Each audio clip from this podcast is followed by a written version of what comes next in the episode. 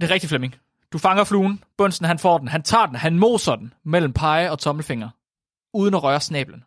Så placerer han den i en platinskål, hvor han forsigtigt kremerer fluen. Hvad? Asken fra fluen, den behandler han med en dråbe stærk saltsyre. Og efterfølgende der tilsætter han ammoniakvand. Så lader han vandet fordampe, og da han er færdig, der indeholder skålen 0,1 milligram berylliumoxid. Oh, shit. Bunsen han hælder sit berylliumoxid over i resten af prøven. Og så får han et flot og et præcist måleresultat. Vi bringer en advarsel. Den følgende podcast handler om vanvittig videnskab. Al forskningen, der præsenteres, er 100% ægte og udført af professionelle. Mark og Flemming står ikke til ansvar for eventuelle misforståelser, men minder jeg om, at de altid har ret. Husk at være dumme.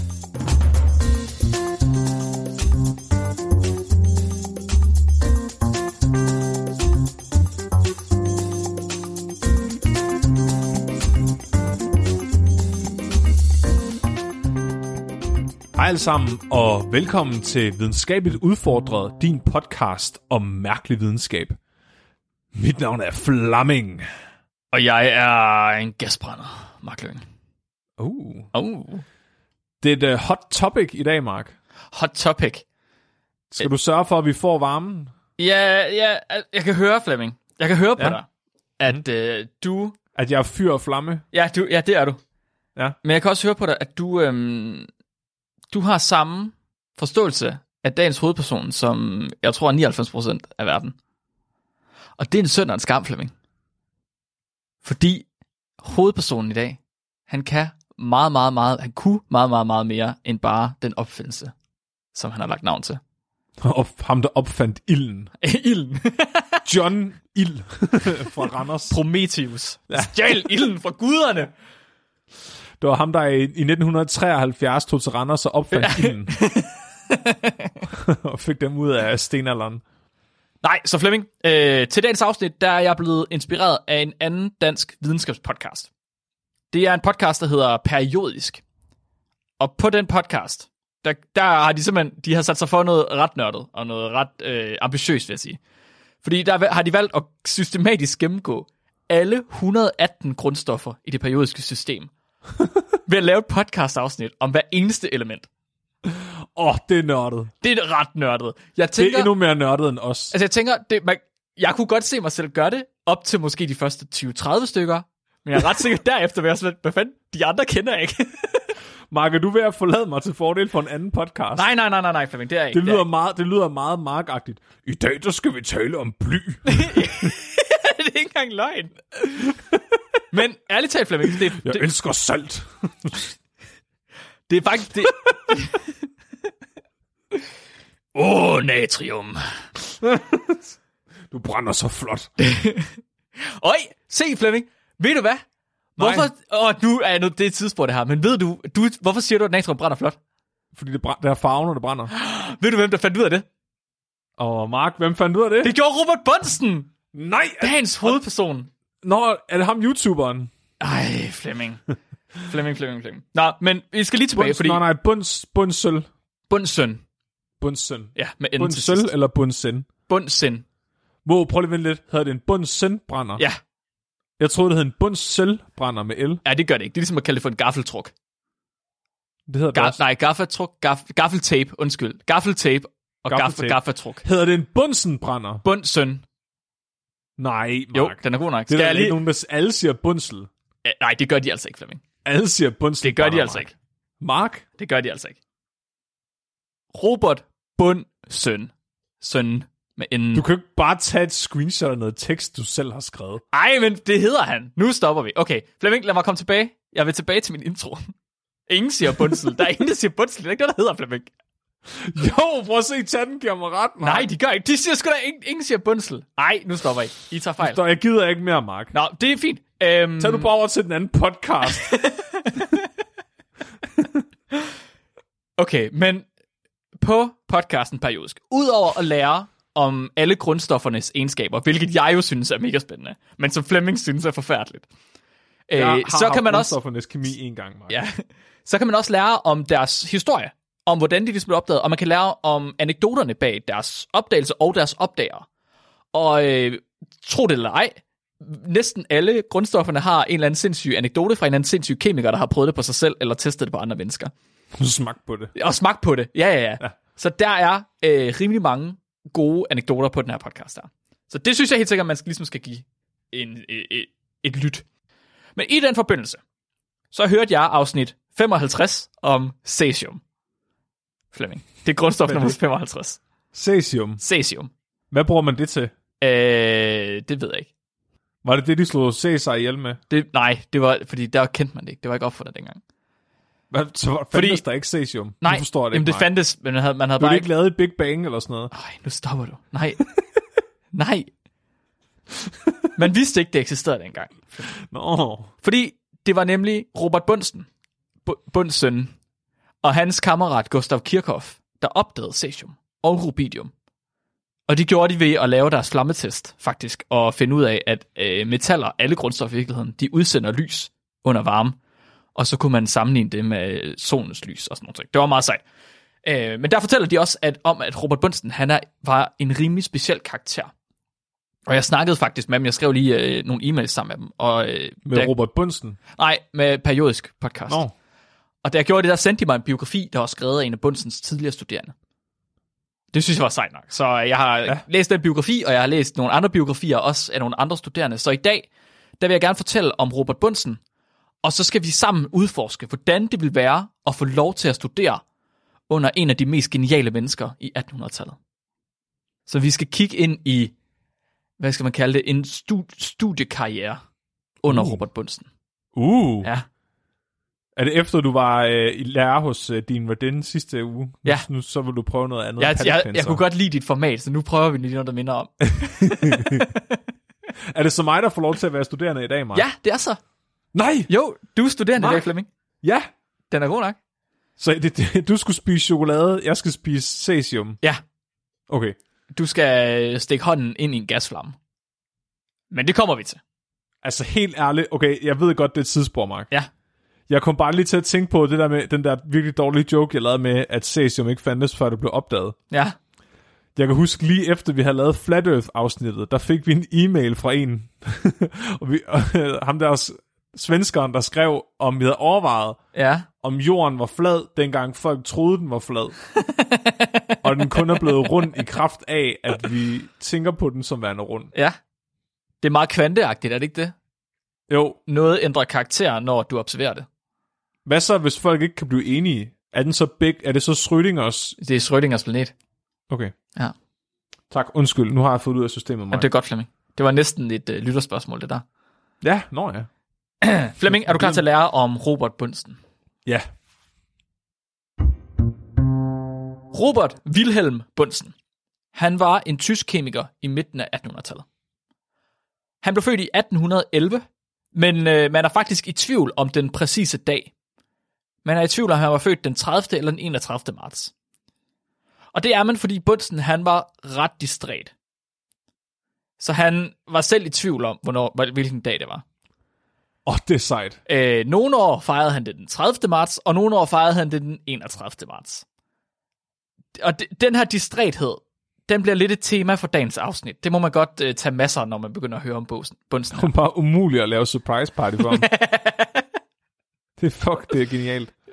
Så han blev født ind i sådan en rimeligt velhavende kår. Øh, han gik både i folkeskole, gymnasie og senere på universitetet. Og det var jo ikke specielt almindeligt der i midten af 1800-tallet. Og han fik en Ph.D. i kemi i 1831, da han kun var 20 år gammel. Som 22-årig, der blev han ansat som lektor ved Göttingen Universitet, og der forskede han i opløseligheden af metalsyre i arsensyre. Metalsalte i arsensyre. Og det var et rimelig, øh, hvad skal man sige, relevant felt på det her tidspunkt, fordi der var mange mennesker, der døde af arsenforgiftning. Blandt andet via drikkevandet og øh, alle mulige andre ting. Og kemikere, de ville ikke særlig gerne arbejde med arsen, fordi det var både giftigt og eksplosivt. Men det var Bunsen pænt ligeglad med. Så når andre kemikere, de arbejdede med gram arsen, så arbejdede Bunsen med kilo arsen. Okay. Og det, hans forskning den blev udført under en tid, hvor man ikke havde udsugning, man havde ikke noget sikkerhedsudstyr, man havde ikke rigtig noget til det her. Det, men Bunsen, han tog ikke opgaven på sig, fordi han var dumt dristig. Snarere tværtimod. Jeg tror, i alt det materiale, jeg har læst, der er konsensus i det hele, at Bunsen, han var en af de største altså, tænkere, eller en af de største, hvad skal man sige, videnskabsfolk nogensinde. En af de mest geniale mennesker, vi har kunne komme i tanke om. Og han opfandt bunsenbrænderen, Mark. Ja, han opfandt Bunsenbrænderen. Det er fandme smart. Ja, det er fandme smart. Det er en stor tændstik, der aldrig går ud. det har du ret i, Flemming. ja. Genialt. Bunsen, han var en ekspert i at puste glas. Nej, hvad? Ja, han pustede sit eget glas til sin forsøg. Så han var ikke begrænset af at skulle bruge standard glasudstyr, som heller ikke rigtig fandtes dengang. Og det vil sige, at han, han kunne ligesom puste glas, der passede til at fange forskellige gasser og forskellige væsker. Det er, åh, det er virkelig hipster. Er det ikke sejt? Det er sindssygt hipster, Mark. Så han havde det her, de her arsenstoffer, øh, opløsninger, som når han begyndte at varme op på det, så opdelte det sig i forskellige faser. Der kom en, en dampfase, det fordampede ligesom til at starte med, og så kondenserede det blev til ny væske, der så igen fordampede og kondenserede blev til ny væske. Og han ville ikke have nogen af de dampe, fordi de var ret giftige. Men det kan man ligesom undgå ved så at lave forskellige øh, runde kolber i en lang glasslange. Så forestil dig en slange, der har spist mus. Om tirsdagen spiser slangen en mus, og så fordøjer den lidt, og så om torsdagen spiser den en ny mus. Så er der nogle buler på slangen. Ja, Ja, det glas lavede han. ja dem, dem har jeg engang fundet nogle af nede i kælderen. Ja, oh, okay. I skraldespanden. Ja. Og så kunne han også, han kunne bukke glasset også, sådan at han kunne sørge for, at væsken ikke kunne løbe øh, op igen, hvis man kan sige det på den måde. Og han kunne lave noget ret komplekst glas ved at puste Så det det godt, jeg tog, ja, så er det godt, jeg ikke tog dem med hjem. Ja, slangerne. Ja, de så lidt giftige ud. Uh, Flemming. Men hvis de havde to buler, så kunne du måske have, have kommet De omkring havde, det. oh, de havde, ja, okay. Har de mange buler? ja, der var lidt flere. Mere end to. Ja. Det lyder farligt. Det skal man, det skal man, dem skal man ikke i nærheden af, Flemming. Det er en Nå, dårlig idé. okay. Nej. Så da Bunsen arbejdede med arsen, der udviklede han så en dobbeltkolbe med sådan en række vandlåse imellem, for ligesom at fange det her væske og gas i forskellige sektioner. Og så kunne Bunsen egentlig arbejde med arsen med minimal fare for forgiftning. Men selvom han var dygtig, og selvom han gjorde det her og arbejdede med kilogram og havde minimeret risikoen, så var hans løsning ikke ufejlbarlig. Når man arbejder med arsen i dag, øh, så arbejder man med kasser, altså man arbejder med det i kasser, hvor der er inerte gasser, f.eks. kvælstof, øh, for at mindske eksplosionsfare. Man arbejder med det i stinkskab for at undgå, at man bliver forgiftet af det, og man bruger glasudstyr med jordforbindelser. Altså simpelthen glas med en lille ledning på, der så er forbundet til øh, en jord, for igen at undgå, at det skal eksplodere. Og Bundsens opfindelse kunne altså ikke nogen af de ting. Så en dag, da han stod med et reagensglas med dimetyl arsencyanid, som lyder farligt nok i sig selv, der eksploderede det op i ansigtet på ham. Nå, Ja. Han mistede synet på sit ene øje, og var sengeliggende i uvis med en dødelig dosis af arsenforgiftning. nå. Men han kom sig. Hvorfor gør han det, mig? Han overlevede. Og så synes han, at så kunne han da godt lige fortsætte sit arbejde. Han kunne stadig se på det andet øje. Han kunne stadig se på det andet øje, og han havde jo ikke fundet en kur mod arsenforgiftning. Ej, Altså okay. nok var han selv, han selv overlevet det, men det var ikke fordi, at han Ja. havde kuren der. 1-0 til arsenforgiftning. 1-0 til arsenforgiftning, men han fandt faktisk en kur mod arsenforgiftning. Han opdagede, øh, at nogle bestemte metaller kunne ligesom øh, bundfælde arsen, så man kunne fjerne det ved at filtrere det. Og det er faktisk den kur, der bruges mod arsenforgiftning stadig i dag. Det er vildt nok. Det var ligesom en af hans store bedrifter, der var med til at gøre ham til et huskendt navn i midten af 1800-tallet. Fordi han var verdenskendt. Altså, det var sådan, at almindelige mennesker vidste, hvem Robert Bunsen var på det tidspunkt. Han havde også øh, nogle andre bedrifter. En af dem var, at han øh, i 19- 1845 tog til Island øh, på en ekspedition. Fordi i 1845, der eksploderede vulkanen Hekla, som man ellers havde tænkt var øh, i dvale. Men det gik ret voldsomt i udbrud. Og det var ligesom noget, som Island ikke var klar på, og den danske øh, kongerige, der ejede Island dengang, var heller ikke klar på det. Så man fik overbevist Danmark om, at de skal vide noget mere om vulkaner og gejser i det hele taget. Og man er nødt til at sende en forskningsekspedition på Island for ligesom at undersøge det her. Og iblandt den her forskningsekspedition, der var Bunsen, simpelthen. Under sin tur, der mødte Bunsen den danske kong Christian den 8. Og han fik et venskabeligt forhold både til ham og til hans søn, kronprins Frederik den 8. Så han nåede også lige at blive gode kammerater med den danske konge og kronprinsen. Selvfølgelig. Ja, selvfølgelig. Og i løbet af ekspeditionen, der samlede Bunsen flere hundrede prøver, som han til sidst lavede til syv udgivelser. Og de syv udgivelser, de danner stadig grundlaget for vores forståelse af Geis aktivitet. Han havde en, en periode på øh, 10 år cirka, fra han øh, blev ansat som lektor til at starte med, hvor han lavede de her eksperimenter og udviklede metoder. Og han udviklede så mange metoder, at stort set alle felter af uorganisk kemi havde en metode, hvor guldmetoden, den der var mest almindeligt brugt, den var lavet af Bunsen. Guldmetoden. Ja, altså gold standard, Nå, guldstandarden. Mark, Ja. Fik han klap for øjet?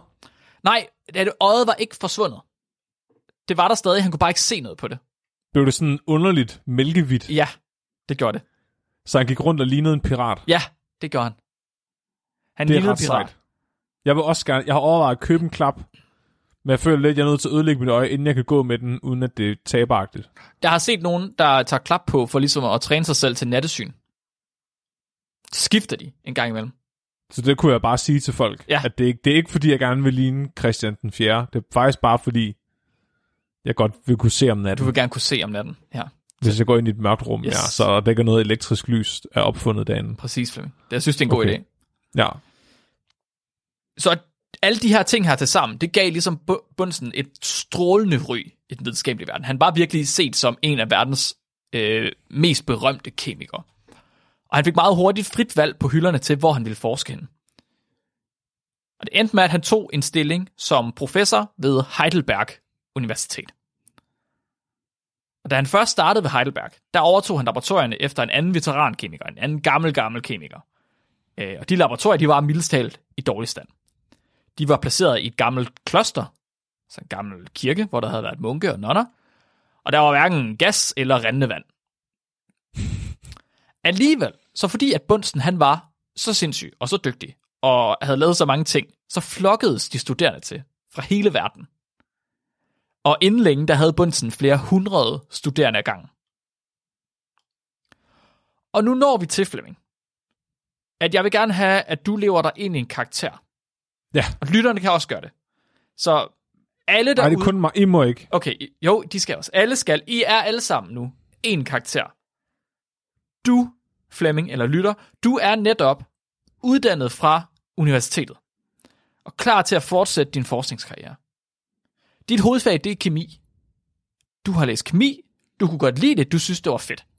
Jeg fik lov til at smage på alle tingene. Ja, du fik lov til at smage på alle tingene, du fik lov til at eksplodere en masse ting.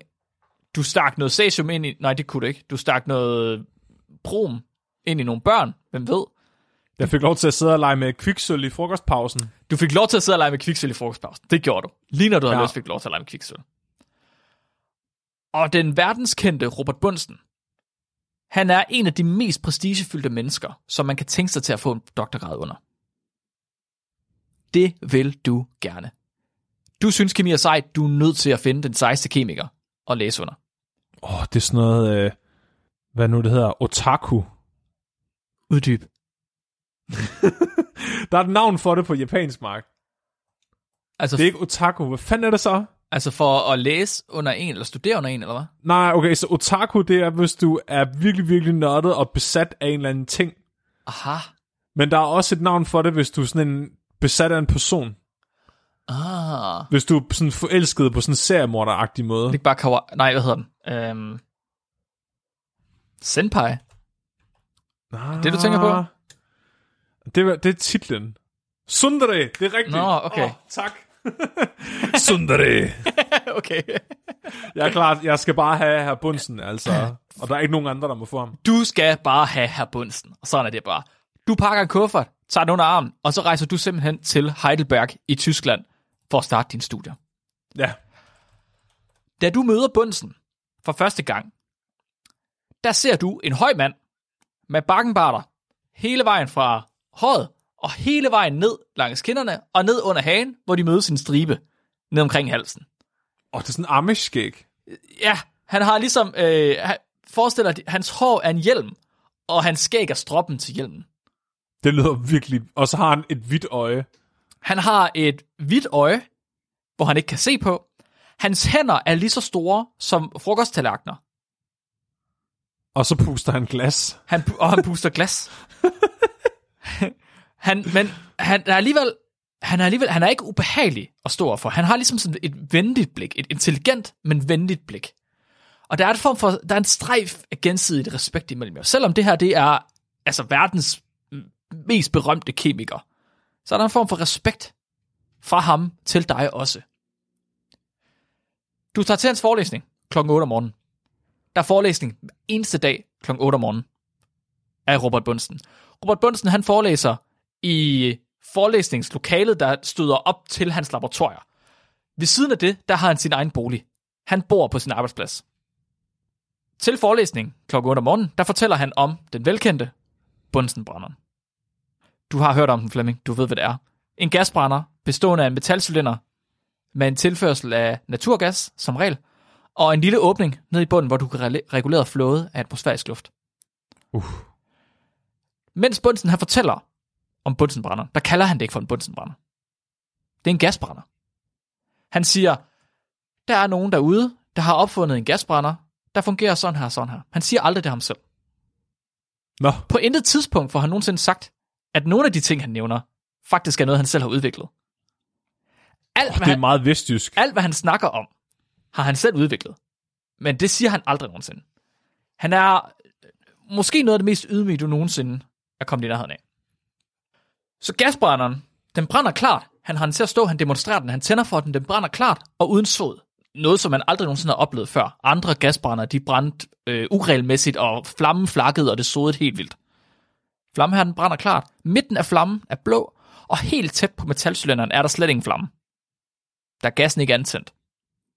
Den bliver først antændt et lille stykke fra cylinderen. Og skulle der sidde nogen blandt publikum, der ikke tror på eller forstår det faktum, at den ikke er tændt, demonstrerer Bunsen det lige. Flammen er altså ikke tændt helt ind tæt på. Så han tager sin store finger, sin kæmpe store finger, og stikker lige ind i flammen. Hvad? Den holder han bare der. Står han og fortsætter forelæsningen lidt. Øh, på et tidspunkt, efter ikke så lang tid, så begynder at lugte lidt af bacon. Og øh, så synes han alligevel, at nu må han godt trække fingeren til sig. Men så kan han nu lige vise, at midten af fingeren, der var tættest på cylinderen, den er uskat. Resten af fingeren, den er blevet til sprød bacon.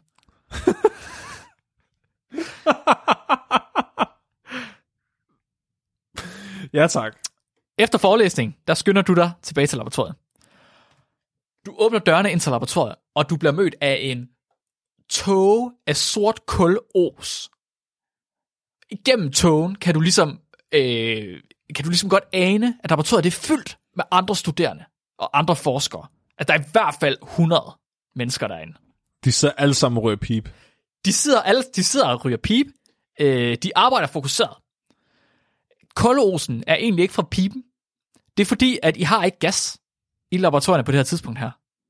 Så I er nødt til at køre alle jeres forbrændinger over kul.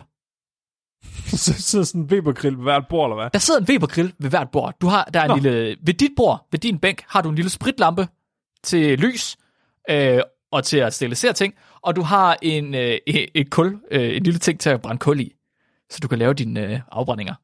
Så er jeg lige sådan en raclette-style og laver min frokost. Yes. Ja, du kan jo lave din frokost ved siden af, det er klart. Jeg sidder og laver mad til mig og, og bunsen. Jeps.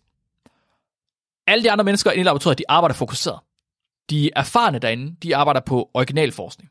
Noget, der forhåbentlig kan fremme vores viden om verden. Og de mindre erfarne, de arbejder på eksperimenter, der er til for at teste deres værd og vurdere, om de er gode nok. Flemming, du, der lige er startet i dag, Åh, oh, du er en af de mindre erfarne. oh, herr Bunsen. Jeg vil gøre dig stolt. Så du øh, træder ligesom op til bunsen, sammen med en anden håndfuld studerende. Der træder jeg op til bunsen.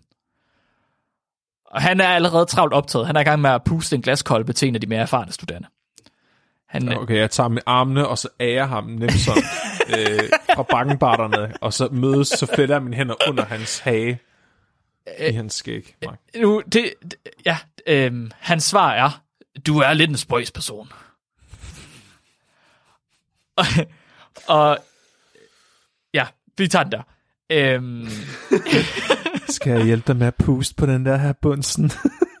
Bundsen, han kigger på dig specifikt. Og spørger han, hvor stor er din tommelfinger? oh. kan du ikke mærke det?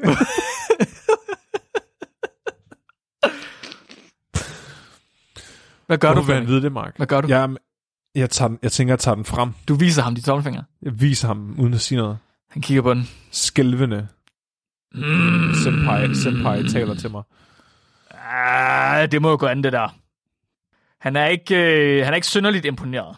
Hans egen tommelfinger, den er i hvert fald dobbelt så stor som din. det er noget, han er ret stolt af. Mr. Experience. Jeg elsker... Okay, så han, han, han er ikke stolt af, at han har opfundet bunsenbrænderen. Nej, Men han er meget stolt af, at han er født med store hænder. yes.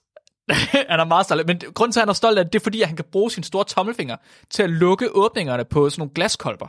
Okay, så har det virkelig været en stor tommelfinger. Ja, for det er sådan nogle, man normalt skal bruge sådan nogle propper til, og dengang Ja. havde man kun korkpropper, de var ikke sådan rigtig tætte. Men Bundesen han kunne bare stoppe sin tommelfinger på, og så putte det under vand, og så var det tæt. Det var smart. Det er ret vildt. Det er derfor, Det var han han- nåede så langt med sin forskningskarriere. Han vurderede ofte nye studerendes, øh, hvad skal man sige, værd, altså om de var gode nok på, hvor stor tommelfinger de havde. Om de var genetisk disponeret til at blive kemikere. Nå, Flemming. Bunsen introducerer jer til laboratoriet, og så spørger han ind til jeres kemiske erfaring. I har ikke specielt meget erfaring. Men vi I kommer- har kemi. I har kemi. Intet problem, svarer Bunsen. Vi starter jo alle sammen et eller andet sted. Og han sætter i gang. I skal ligesom, I skal starte et sted. I skal bevise jeres værd. Mm. Så han sætter i gang med en af sine mere simple protokoller. En analyse af silikat i sten. Silikater er til stede i relativt lave koncentrationer i de fleste sten, øh, og bestemme den koncentration. Det kræver tålmodighed, og det kræver præcision evner, som Bunsen sætter ret stor pris på. Mhm. Man skal være meget tålmodig, og man skal være ekstremt præcis. Det er jeg, Mark. Det er jeg slet ikke i tvivl om. Og hvis ja. ikke du er det, Flemming, så bliver du det. Fordi den her protokol, den tager 6 uger. Og man gider fandme ikke at gentage den. Kan jeg ikke kigge, Og det er det, det, er det eneste, du får lov til at lave i 6 uger. kan jeg ikke kigge efter, eller sådan, du ved, være, få nogle af de andre til at gøre det, du ved, sådan, spørge om vi skal lave gruppearbejde, og så får jeg bare dem til at gøre det. Det kan du godt, men så får du ikke lov til at fortsætte laboratoriet. Jamen, det er kun, hvis han opdager det jo. Bunsen, han opdager det. Det er en anden ting. Bunsen, Bunsen han, er, han micromanager ikke, men han er altid til stede. Han supervisor ligesom, som en supervisor måske burde supervise. Han er til stede til hjælp og vejledning i laboratoriet hver dag, hele tiden. Mhm. Vel, Flemming, går du igennem protokollen? Gør du det her? Sætter du gang? Ja, det, ja, det tænker jeg, jeg skal have min senpais. Øh, Godt, Flemming. Bunsen, Ja. han er stolt. Han vil, han vil have, at du lærer og forstår. Han, han kigger på det. det. Han, mm, yes, det er godt det der. Vi er på rette vej. I går i gang. I henter vand i brønden. I arbejder over spritlamper, og I laver jeres forbrænding over kul. Men selv med så ringe kår, Flemming, så bliver der ikke gået på kompromis med præcisionen. I skal være de mest præcise. Så I laver jeres protokol, I starter jeres protokol, I går i gang med den. En dag er Bunsen ikke i fælleslaboratoriet. Det er egentlig lidt mærkeligt i sig selv. Han plejer altid at være i fælleslaboratoriet. Han har Åh, sin forelæsning om morgenen, men bagefter er han altid at finde i fælleslaboratoriet, helt indtil om aftenen. senpai. Hvor er han? Og du og de andre studerende, I er i gang med at arbejde på jeres nedbrydning af sten. I er i gang med at banke dem lige så stille og bruge noget syre og noget. Det tager lang tid. Det tager meget lang tid. Og mens I gør det, så hører I en larm fra Bundsens private laboratorie. Hans eget laboratorie inde ved siden af. Der er ting, der skramler rundt over det hele. Hvad gør du, Flemming? Jeg, øh, jeg brøler, Ja. Og så flår jeg min kittel op, og, Ja. bl- og blotlægger mit, mit mandige brystkød. Det er godt, Flemming. Og så kaster jeg mig op mod døren til hans, til hans hus. Jeg tjekker ikke, om den er låst op. Jeg sparker den bare ind med Godt, Flemming. ved at kaste er mig ind. Ja. Da du åbner døren, der ser du Bunsen hoppe fra bord til bord som galning. Fluen har spist mit beryllium, råber han. Fluen har spist hans beryllium, Flemming. Den fucking lorteflue. Hvad gør du?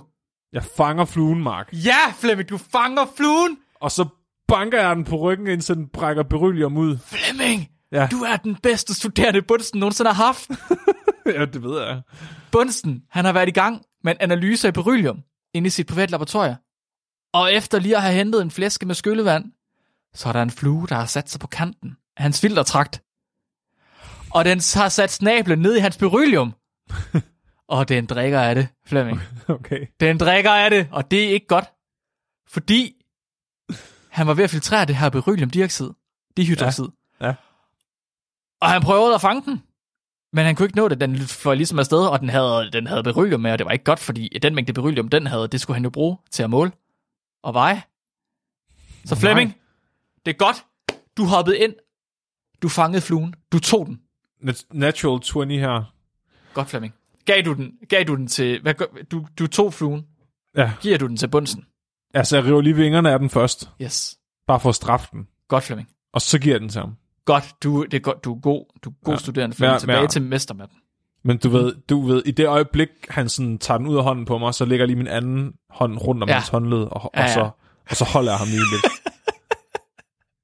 Meget- intens øjenkontakt. Du har et sundt forhold til bunsen, det kan jeg mærke. Sli- slipper jeg for at lave det der eksperiment med stenene nu? Nej, ikke helt. Nå. Øhm, nej, ikke helt. Okay. Det er rigtigt, Flemming. Du fanger fluen. Bunsen, han får den. Han tager den. Han moser den mellem pege og tommelfinger. Uden at røre snablen. Så placerer han den i en platinskål, hvor han forsigtigt kremerer fluen. Hvad? Han sætter ild til den. Asken fra fluen, den behandler han med en dråbe stærk saltsyre. Og efterfølgende der tilsætter han ammoniakvand. Så lader han vandet fordampe, og da han er færdig, der indeholder skålen 0,1 milligram berylliumoxid. Oh, shit. Bunsen han hælder sit berylliumoxid over i resten af prøven. Og så får han et flot og et præcist måleresultat. Så var godt, Flemming, du var lige ved. Havde du ikke været der til at redde Bunsen, så havde han haft en måleusikkerhed. Det var aldrig gået, Flemming. Det var aldrig gået, kan du mærke det? Det var aldrig gået. Er det noget, der rent faktisk er sket der? Flemming, alt, hvad jeg fortæller dig om nu her, alt, hvad jeg fortæller dig, det du selv ligesom indleverer, er det Ja. ja. eneste, der ikke er sket her. Alt Okay. andet er noget, der er sket. Det er Så der ægte. var, han fangede han selv fluen, eller var der en student, der fangede den? han fangede den selv. Okay. Øh, Flemming, Ja. I fortsætter. I skal stadig bevise jeres værd. I nu, I har set, hvor præcis Bunsen han er. Du ved, hvad han kan. Du ved, hvad han vil gøre for at opnå det præcise måleresultat. Du er nødt til at leve op til det der. Så du går tilbage til din silikatanalyse med, med forøget motivation. Hold kæft, hvor skal de sten bare smadres nænsomt nu. Kan du mærke det? Ja. Meget langsomt. Meget fint. Meget nænsomt, ikke? Ja. Ugen efter, der er Bunsen fandme igen ikke til stede. Han er der, sig- han er der ikke igen. Det er mærkeligt. Hvor er han? Hvilket insekt har spist hans eksperiment Ja, hvad sker der? Øhm, du er inde i laboratoriet, og du begynder ligesom at høre, at der er nogle rygter. Folk de begynder ligesom at, at viske lidt, og der er sådan lidt, hvad er det for noget? Der er ikke nogen... Så den, der var der sidst, eller den, der kom ind først, har heller ikke set ham. Det er mærkeligt. Der, han var der ikke til forelæsning i morges. Der er faktisk ikke nogen, der har set ham siden i går. Okay. Så er der nogen, der ligesom har hørt øh, en eksplosion fra hans eget laboratorie Nå, i går. Okay. Og lige pludselig så begynder der at samle sig rygter om, måske er Bunsen blevet blind? Har han mistet synet på det andet øje også? Shit, mand. De her rygter, de spreder sig, Flemming. Mhm. Du hører dem fra en. Du fortæller det videre til en anden. I får ligesom alle sammen sagt det. Og I bliver alle sammen bekymret. I kan godt lide Bunsen. Han er en dejlig person, ikke? Så I går ud sammen på pladsen ved Bundsens laboratorium hjem. Her er der en balkon over på anden etage, ind til hans øh, soveværelse. I vil gerne se, at man lige kan, kan, man lige, kan man lige se ham ind igennem vinduet. herr Bunsen dog. Kunne man se her Bundsen op igennem soveværelsesvinduet? Ja, kunne man lige være en lille creeper. Men ude på pladsen, Flemming, der har hele byen stemlet sammen.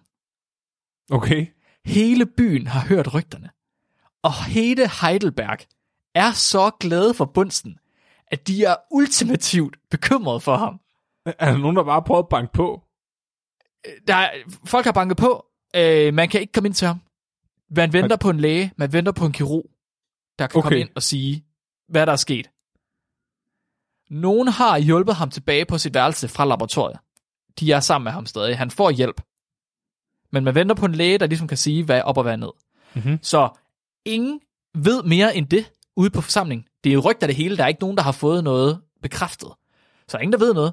Og hele forsamlingen venter nervøst på nyheder. Altså, vi, vi snakker Rådhuspladsen, da, da øh, hvad hedder han? Frederik, den 10. han ligesom blev konge nu her for nyligt. Nå ja. Vi snakker den, samling, den samling, Flemming. Det, det, Altså- det niveau, ikke? Hvis, altså, hvis han var blevet blind, så kunne det være, at jeg gerne ville have set det. Ja. Men Flemming, folk vil gerne have, at han overlever. Folk vil gerne have, at han... At, Nå. ja, de vil gerne have ham tilbage. Han, var- han er... Han, han er jo et, et, et mand for hele byen. Jeg havde lidt drømt om, at jeg sådan, du ved, kunne have ham på en bæresel, og så kunne jeg være hans øjne. Uha, det er frægt. Ja. Men hvis han ikke har nogen øjne, Flemming, Ja. så kan han ikke lære dig alle sine metoder i kemi. Og han kan jo hænge på min ryg og viske mig det ind i øret, hvad Sådan rat- Ratatouille-style. Ja. Hiv dig i håret. Han kan sidde op i min hat. Hele dagen står I ude på pladsen, uden nogen information, kun rygter. Og det er ikke før uh, sent på eftermiddagen, at en kirurg ligesom kan komme til og foretage en ordentlig undersøgelse. Og fortælle, om Bunsen har mistet synet på sit andet øje. Da kirurgen træder ind på Bunsens soveværelse, der kigger alle vender blikket op mod balkongen. Kigger op, ser om man ligesom kan se noget. Efter en times tid, træder kirurgen ud på balkongen. Står han så med tommefingeren, sådan Colosseum-style. Han står med tommelfingeren Colosseum-style. Han har den til at vende til siden. Ja. Han vipper lidt ned. Åh oh, nej. Vipper lidt op. Åh, oh, Mark. Han vipper lidt ned. Åh, Han vipper den op, Flemming. Bunsen kan se! oh, uh. Hele folkemængden udbryder i et brøl. Hatte bliver kastet i luften, mænd omfavner hinanden, og kvinder græder, Flemming. Uh. Det her, det er, det er større end noget andet, der er sket i Heidelberg nogensinde. Bundsel stadig kan se. Bunsen kan stadig, Bunsen kan stadig se. Og så var der lige den ene person, der står i hjørnet. Åh, oh, pis. Ja. Jeg vil gerne have haft den på som rygsæk. Øv. Ja. Flemming, Bunsen kan se. Han er sygemeldt i et par uger, øhm, men han vender tilbage til laboratoriet lige omkring, da du er færdig med din silikatanalyse. Ja, som er meget nøjagtig. Han kommer hen til dig, og han kigger på din silikatanalyse. Han kigger på den koncentration, du har fået ud, de målepunkter, du har fået. Mm. Okay, hvor tæt ligger de på hinanden? Hvor præcis er dine målepunkter? Men, altså, de er jo lige i øjet, Mark. De er lige det, over. han kan se med, ikke? Du stoler. Ja, det han kan se med jer. Det er jo perf- Når jeg har lavet det, så er det perfekt. Sådan er det bare. Ja. Bunsen, han kigger på dig. Han er imponeret. Nej, det var godt. Det der, det fungerer. Ja, ja. Det der, det kan vi sgu godt bruge til noget. Han er faktisk så imponeret, at han beslutter sig for at introducere dig for en af de andre højtstående kemiprofessorer på Heidelberg. Uh, uh. Ja, ja. Han tager dig ligesom hen til den anden professor. Og så siger han, her, her har vi en lovende ung forsker. Ja. Hans navn er... Øh, det er, undskyld, det er fordi, at jeg ved, du har sådan et svensk navn, og det, jeg har svært ved at udtale det svenske navn. Kan, hvad er det, du hedder? Jeg kan ikke huske, hvad du hedder. Et svensk navn. Nej, øh, Bunsen, han har glemt dit navn. Men han prøver ligesom at, han, han prøver ligesom at skjule det ved at spørge dig, hvad er det, kan du ikke udtale dit svenske Kan navn? jeg ikke Jeg huske, hvad jeg hedder? Han har glemt, hvad du hedder, Flemming. Jeez, jeg hedder Black Mamba. Bunsen, han har glemt dit navn. Vil du vide, hvorfor? Ja, hvor, uh, Black Mamba på tysk. Schwarze Mamba. Das Mamba. Bunsen, han har glemt dit navn. Men Flemming, det sker for Bunsen med studerende. Han glemmer sgu navn en gang imellem. Okay. Men nu er det sidste gang, han glemmer dit navn, Flemming. Fordi nu træder du ind i rækkerne som erfaren studerende. Mm. Du er gået væk fra at være øh, uerfaren og skulle bevise dit værd. Du har bevist dit værd. Nu bliver du en erfaren studerende. Okay, men sådan er det jo også på universitetet i dag. Det kan man sige. Er- Eller, eller er det bare min oplevelse? Jeg ved ikke, øh, det her det er jo, når man har, du ved, fået sin kandidat. Nå, så, så går man ligesom, så går man i gang med at studere under ham, og så går man i gang med at lære præcision. jeg, jeg har ved ikke, hvad nogen af de studerende hedder, Mark. Nå, på den måde. Nå, nej, nej, nej, undskyld. Men vil du ikke få- våge at påstå, at en PI ved, hvad ja. sin phd studerendes navne er? Er det, har han så mange phd studerende Ja. Det er ret imponerende. De er ikke alle sammen phd studerende han er også bare studerende derinde. Men det er fordi, der er så mange mennesker derinde, han kan ikke sgu ikke lige huske dem alle sammen. Altså, jeg vil sige en PI i dag, jeg vil ikke, det vil ikke komme bag på mig, hvis, de ikke kunne, hvis der er nogen af dem, der ikke kunne huske navnet på deres kandidatstuderende. Mm. Eller bachelor. Ja, men det her, det var så en, altså en doktorkandidat.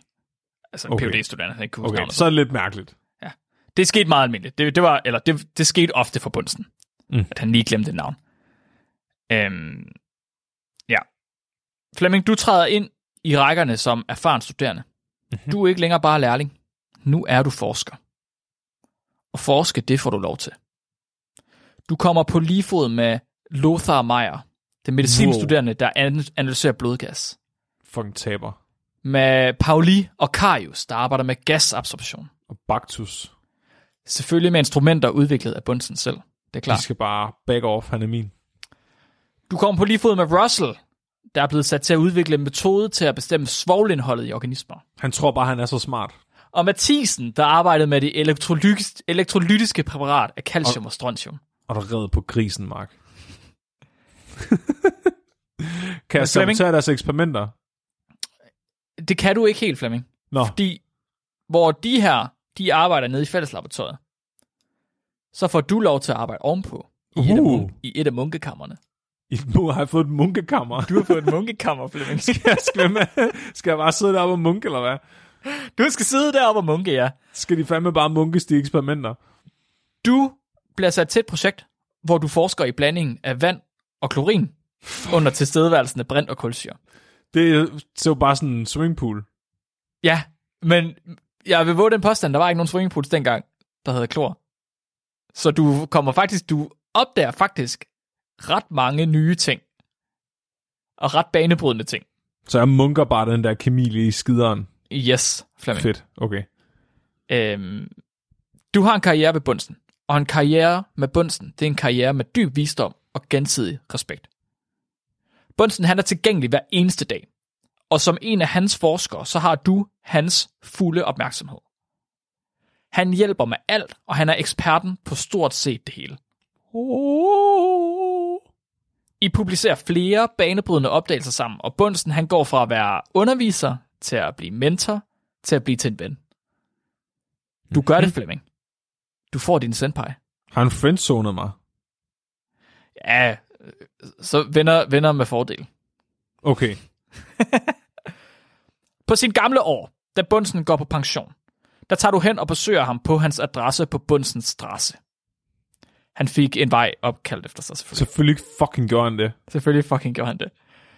I taler om gamle dage, og han er nysgerrig på morgåder. Du ved noget om morgåder, så du fortæller ham lidt om morgåder. Bunsen, han ryger sin kubanske cigar, og det er ret tydeligt, at al den tynger ham. Han er ved at være gammel. Han klager over sit helbred, og da du tager dig fra, der fortæller hjemmesygeplejersken, at Bunsen, han, han har desværre ikke længere råd til de morgenbrød, han plejer at nyde. Han var meget imod at lave videnskab for profit. Prøv lige, så han har... Det, han, det hus, han bor i, ikke? Ja. Der er vejen blevet opkaldt efter ham. Ja, Men han har ikke råd til at, at købe rundstykker. nej. Han, han var meget imod at patentere. Han har aldrig patenteret nogen af sine opfindelser, og han har altså lavet pænt mange banebrydende opfindelser. Så han er det omvendte af ham der japaneren. Ja, han er det omvendte af ham japanerne. er. Bare Bunsenbrænderen, selv i 1800-tallet, ville have gjort ham til mange millionærer. Den blev, den blev en fast del af samtlige laboratorier inden for altså et og ti. Hvad fuck brugte... Altså okay, hvis du nu var mange millionær i 1800-tallet, ikke? Ja. Hvad fuck brugte man så alle de penge på? Mennesker, tror jeg. Man kunne købe mennesker dengang, er der sikkert på. Nå, og smør. Smør, smør, smør var sygt dyrt, Flemming. Smør og salt. Jeg skulle lige til at sige salt. Øh, ja. Sort peber var også ret dyrt, var det ikke det? Ja.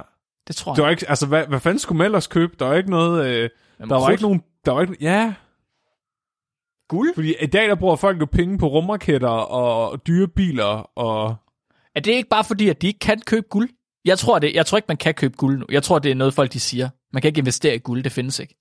Nå, så kunne man købe sådan en øh, Joachim Fernand Ja, ja, som pengetank. guldpenge-ting, ja. Yes, det kunne man nemlig, Flemming. Og smør. Men Flemming,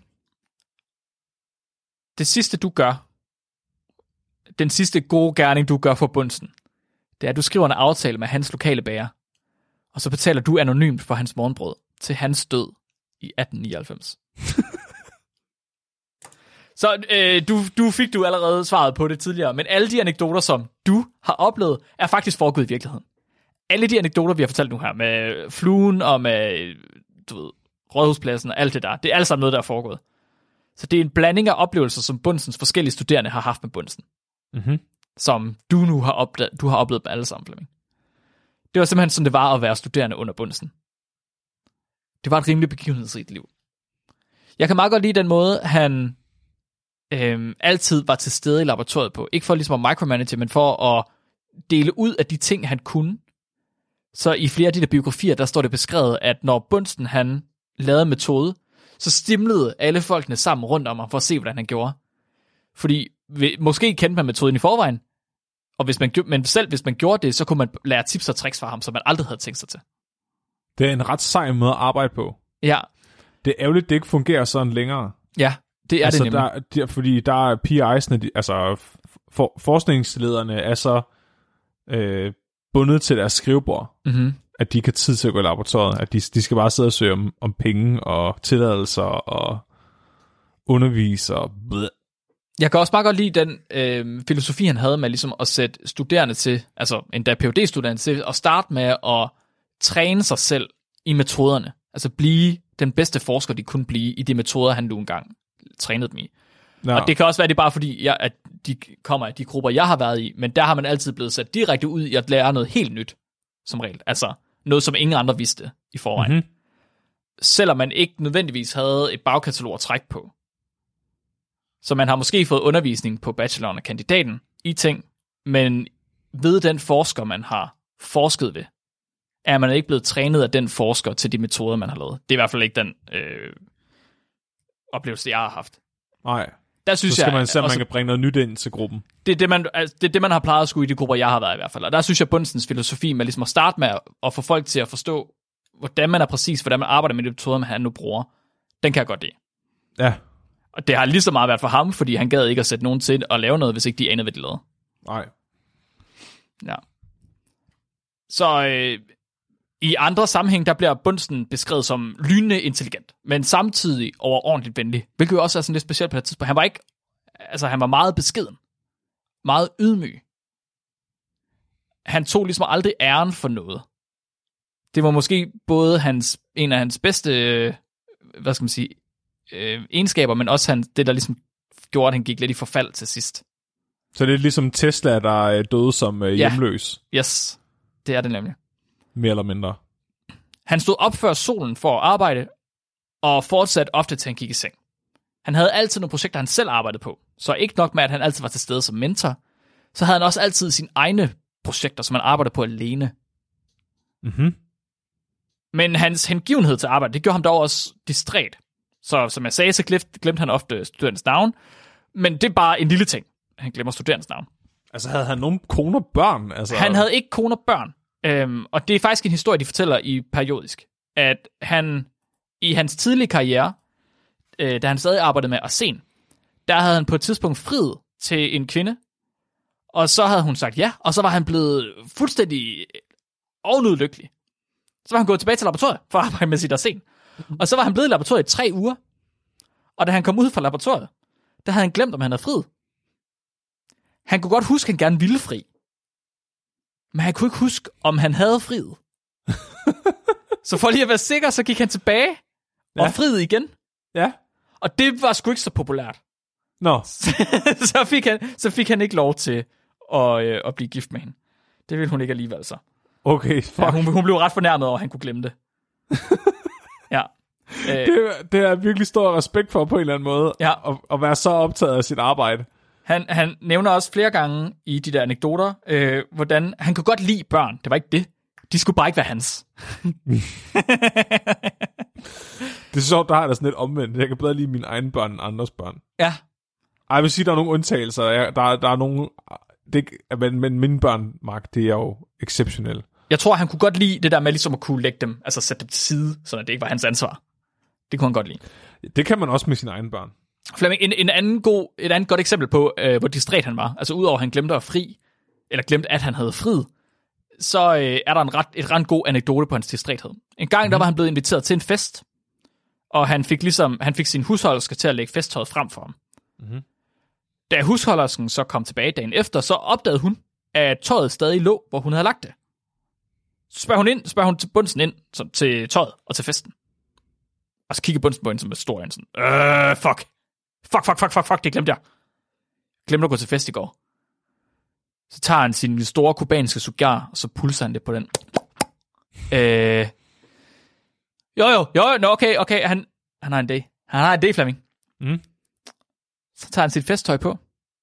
Og så om aftenen, Mhm. så går han hen til der, hvor han skulle til festdagen før. Ja. Så banker han på. Så åbner de døren, og så går han ind. Tak for invitationen! så gik han til festdagen efter. Og der var jo ikke nogen mennesker derinde, og det vidste hende, der ligesom var vært, det vidste hun jo godt, og hun står og sådan lidt, øh, vi har verdens mest berømte kemiker her, og der er ingen fest, og han tror, der er fest. Ja. Så sender hun bud tilbage til alle gæsterne, der var der dagen før, og for at spørge, om ikke de vil komme den dag, fordi nu er bunsen altså kommet. så kommer alle gæsterne til fest dagen efter. Men Flemming, det sygeste, nej, nej, nej, det er ikke det sygeste. Det sygeste er, at så Bunsen, han går bare rundt og minkler. Går han bare lige rundt og hygger sig lidt. Og på et tidspunkt, så falder han i snak, og så er han sådan lidt, jeg har forresten en ret god historie. Øh, nu skal I høre, øh, på et eller andet tidspunkt for lang tid siden, der blev jeg inviteret til en fest. Den glemte jeg skulle lige at tage til, så tog jeg til festen dagen efter. så står han og fortæller til dem, der er kommet til den fest, som Bunsen er kommet for sent til, at han har glemt at komme til en fest. Fuck, det, det, kunne, det kunne jeg godt have fundet på at gøre, hvis jeg, hvis jeg var berømt. Jeg synes, det er, for, jeg synes, det er så grineren. Fuck, det er grineren, mand. Han er virkelig en, en komisk karakter. Han, havde også, øh, han kunne virkelig godt lide at ryge kubanske cigar, øh, som jeg også har sagt. Og på et tid, han startede med at øh, klatre meget i bjerge, og vandre meget i bjerge. Mm-hmm. Men efterhånden, som han blev ældre, så gad han sgu ikke det længere. Altså det var fint, han kunne godt lide naturen, han gad sgu ikke lide at vandre. Men det gad han ikke fortælle til nogen. Så han tog stadig sit, øh, sit slæng med ud på vandretur, og så når de nåede til bjerget, så sagde han til dem, kan I ikke bare lige starte før mig? I starter bare op i bjerget. Så fandt han et træ, som han kunne øh, pu- øh, hænge en hængekøj i. Og så øh, havde han, han havde sådan et lommetørklæde, som han havde brændt et hul i med sin cigar. Fordi så kunne han lægge sig i sin hængekøj med en cigar i munden. Så kunne han tage det der lommetørklæde ud, og så have cigaren ud over øh, lommetørklædet. Og så kunne han ellers ligge og tage en lur, mens der røg cigar, og så kom der ikke fluer ned og øh, ramte ham i hovedet. Så, så røg asken heller ikke ned i ansigtet på ham. Ja, så røg asken heller ikke ned i hovedet. Lige præcis. Fuck, det er smart. Han er ret genial. Så øh, jeg tror, at mange forskere kan lære en del af Bunsen. Jeg synes, at det er ærgerligt, at han nu er mest kendt for sin bundsensbrænder, for han har lavet så mange andre ting. Og han Især var også, også, bare, fordi han ikke engang selv kaldte den bundsbrænder. Ja, præcis. Men han var Prøvede ikke bare... få æren for den. Han var, altså, for alle de ting, han har opdaget eller opfundet, kalder folk nu ved hans navn, og så opfindelsen. Bunsen batteriet, for eksempel. Men det er også, fordi han har været ydmyg omkring det, så er der Yes. vi skal ære ham. Ja, Hvis jeg havde opfundet det der, så havde jeg været sådan, dør, det er en Flemming ildpind. ja. Flemming ildpind. og så, og så har det haft omvendt effekt, ikke? Så er jeg sådan, nej, det, det, det der, det er bare en, det er en gasbrænder. ja, Flemming. det er fucking smart, det der. Ja, ja, præcis. Det er det samme, jeg tænker. Altså, det, vi, vi kan ligesom lære venlighed og ydmyghed. Respekt for studerende og kolleger, andre mennesker generelt. Og så den dedikation, han havde til præcision. Mm. Han, var også, han kunne heller ikke lide spekulationer. Og sådan teorier, der ikke rigtig førte nogen vejen. For ham, der var eksperimenter. Eks- eksperimenter og det, man kunne måle på. Det var det, han ligesom gik op i. Så jeg synes, vi skal hylde en af verdens dygtigste kemikere for mere end bare hans bunsenbrænder. Mhm. Flemming. Det var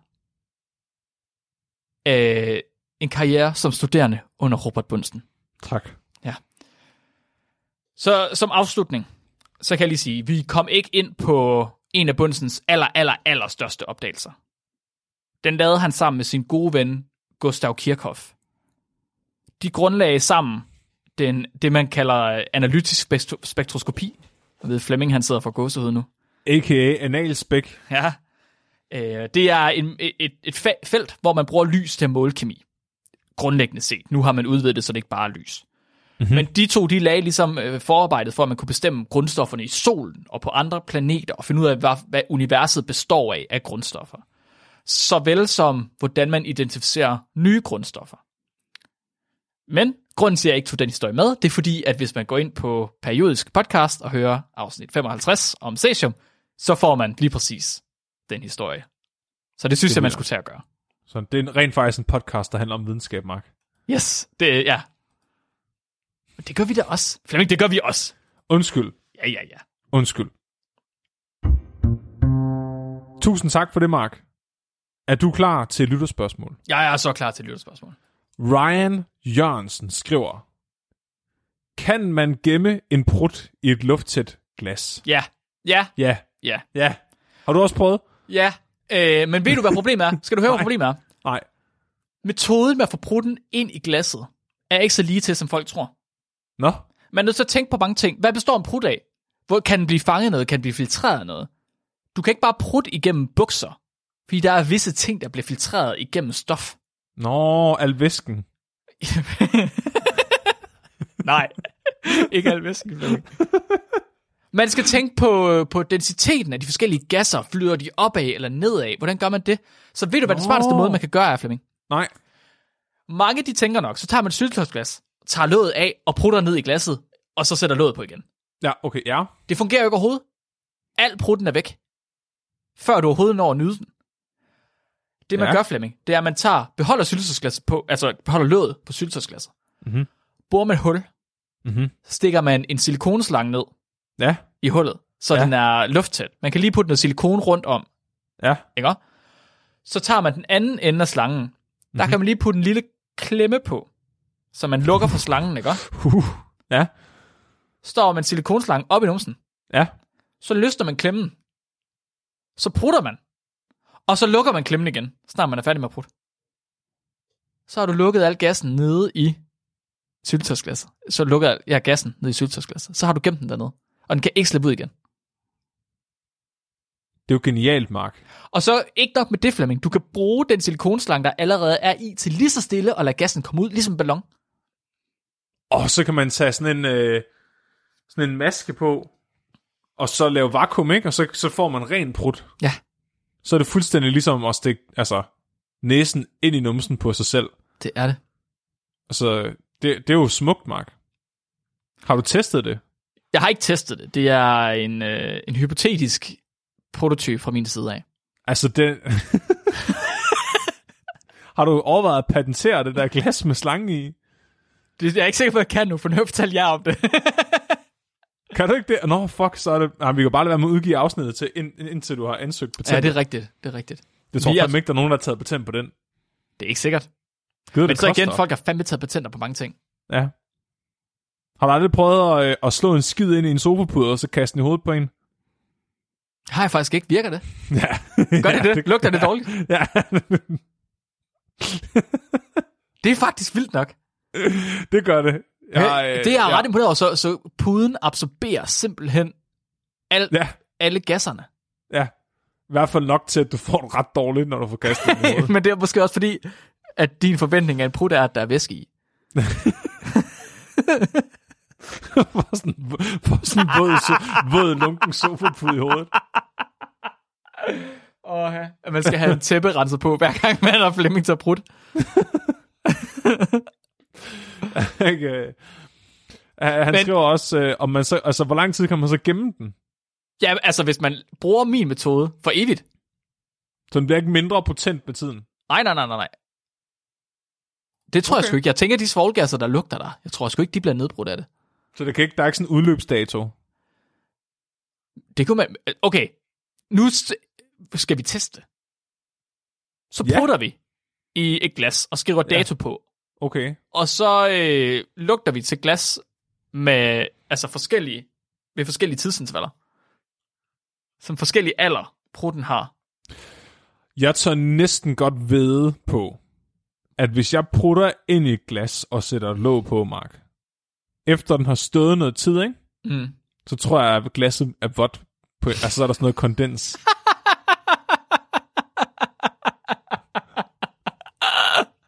det er kun din brud, Flemming. Det er kun din brud. Når Flemming han gør det, så er der sådan en grøn øh, sky derinde. der skriger. Åh! Ja. Tak for det. øh, Jeg er i tvivl, jeg er i tvivl Ja. om man også kan bruge den til fissebrutter. Det kan godt være, men man kan få sådan nogle, øhm, man kan få sådan nogle kopper, man kan sætte udenpå til at tisse, så man kan stå op og tisse. Det hedder en tislet. Det hedder en tislet, Mark. Tak Flemming, en tislet. Ja. Øh, tisletten, den har en lille udgang. Altså en lille stus. Ja. Du kan godt lige få en silikonslange skubbet hen over sådan en stus.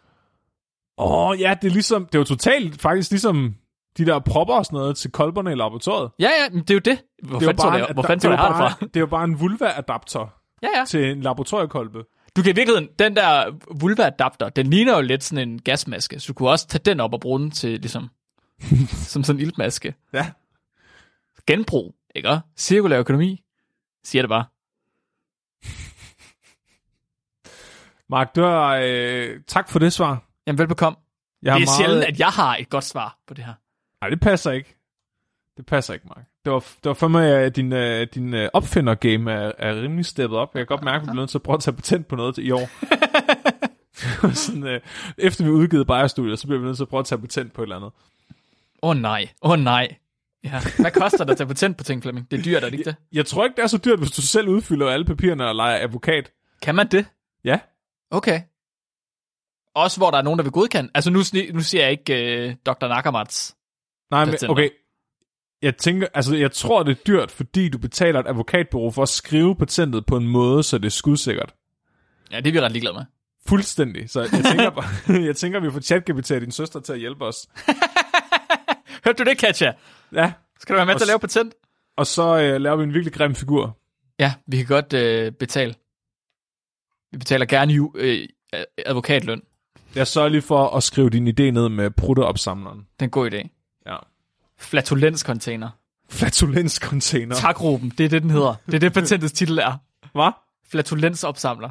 Flatulensopsamler 8000.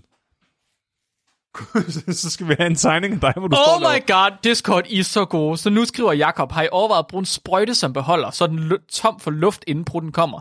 Så Nå. vi kan danne vakuum inden i sprøjten, og så kan vi, vi kan da måle, hvor meget der kommer i os. Vi kan måle Åh, ja. volumenet jo. Ja, ja. Det her, Flemming, det bliver til noget, det her. Det, okay. Ja, vi, øh, det bliver noteret lige snart, vi har fået dyrfakt, Mark. okay. Mark, Mm-hmm. er der noget, du gerne vil fortælle uh, lytterne? Ja, vi har simpelthen vi har fire live shows op til salg nu. Jeg er ret Mhm. sikker på, at aftenshowet ved Hotel Cecil, det er udsolgt. Det er i hvert fald meget, meget tæt på, sidst jeg kiggede. Ja. Men der er et show, øh, hvornår er det? Det Den 14. Klong, øh, ja, så er der jo også klong, Den, den 14. april, der har Ja. vi, der er vi i København. Der har vi et show klokken 16, og vi har et Ja. klokken 19. Ja. Klokken 19 er næsten udsolgt, hvis ikke der er udsolgt. Klokken Mhm. 16 kan man godt nå at købe billetter til nu. Så hvis man befinder sig i København eller hovedstadsområdet, gå ind og find nogle billetter til Hotel Cecil. yes. Den 27. er vi i Aarhus. Hjælp mig. jeg jeg tror, vi er Aarhus, og så Odense bagefter. Godt, jeg har ikke datoerne. Det har jeg lige om Jeg lidt. sidder bare og lukker det her ud. Yes, den 27. er vi i Aarhus, hvor vi også har et show kl. 19. Der er stadig billetter. De er også ved at være væk. Så, Ja. øh, og det, det går stærkt, fordi der er trods alt stadig tre måneder til. Ja. Øh, så skynd jer ind og få fat i en billet, hvis I vil med til Aarhus show. Og den 28. i Odense, igen, ja, der er efterhånden ved at være relativt få billetter tilbage. Så Ja, øh, der er også næsten udsolgt. Fuck. er, er stiger afsted med ind og få fat i de sidste billetter. Hvis du hører det her om to år, så beklager jeg. Ja. yes. Er det det, du vil sige, Flemming? Jo. Det tror jeg sgu det er. Jamen, øh, Mark, er du klar til en dyrfakt? Jeg er klar til dyrfakt. Esben han skriver, at heste bruger ansigtsudtryk til at kommunikere med hinanden. Forskere har identificeret 17 diskrete ansigtsbevægelser hos heste. Det passer ikke. Det passer ikke. Har du set en hest, Flemming? Det pas- de har ikke ansigter. De har et ansigtsudtryk. Det er, jeg tror, at heste er nok det mest sjæleløse dyr, der eksisterer, Mark. De kan ikke ændre den måde, de ser ud på. Nej, men det er som om køer har mere mimik end heste. En køer, der er, andet, der er noget liv i en kos øjne. en hest, det er bare bare død. sådan, det er tomt. Oh, ja. Tusind tak for det, Esben. Og øh, tusind tak til alle sammen, fordi I har lyttet med. Mit navn er Flemming. Og mit navn er Mark. Du er blevet videnskabeligt udfordret. Husk at være dum.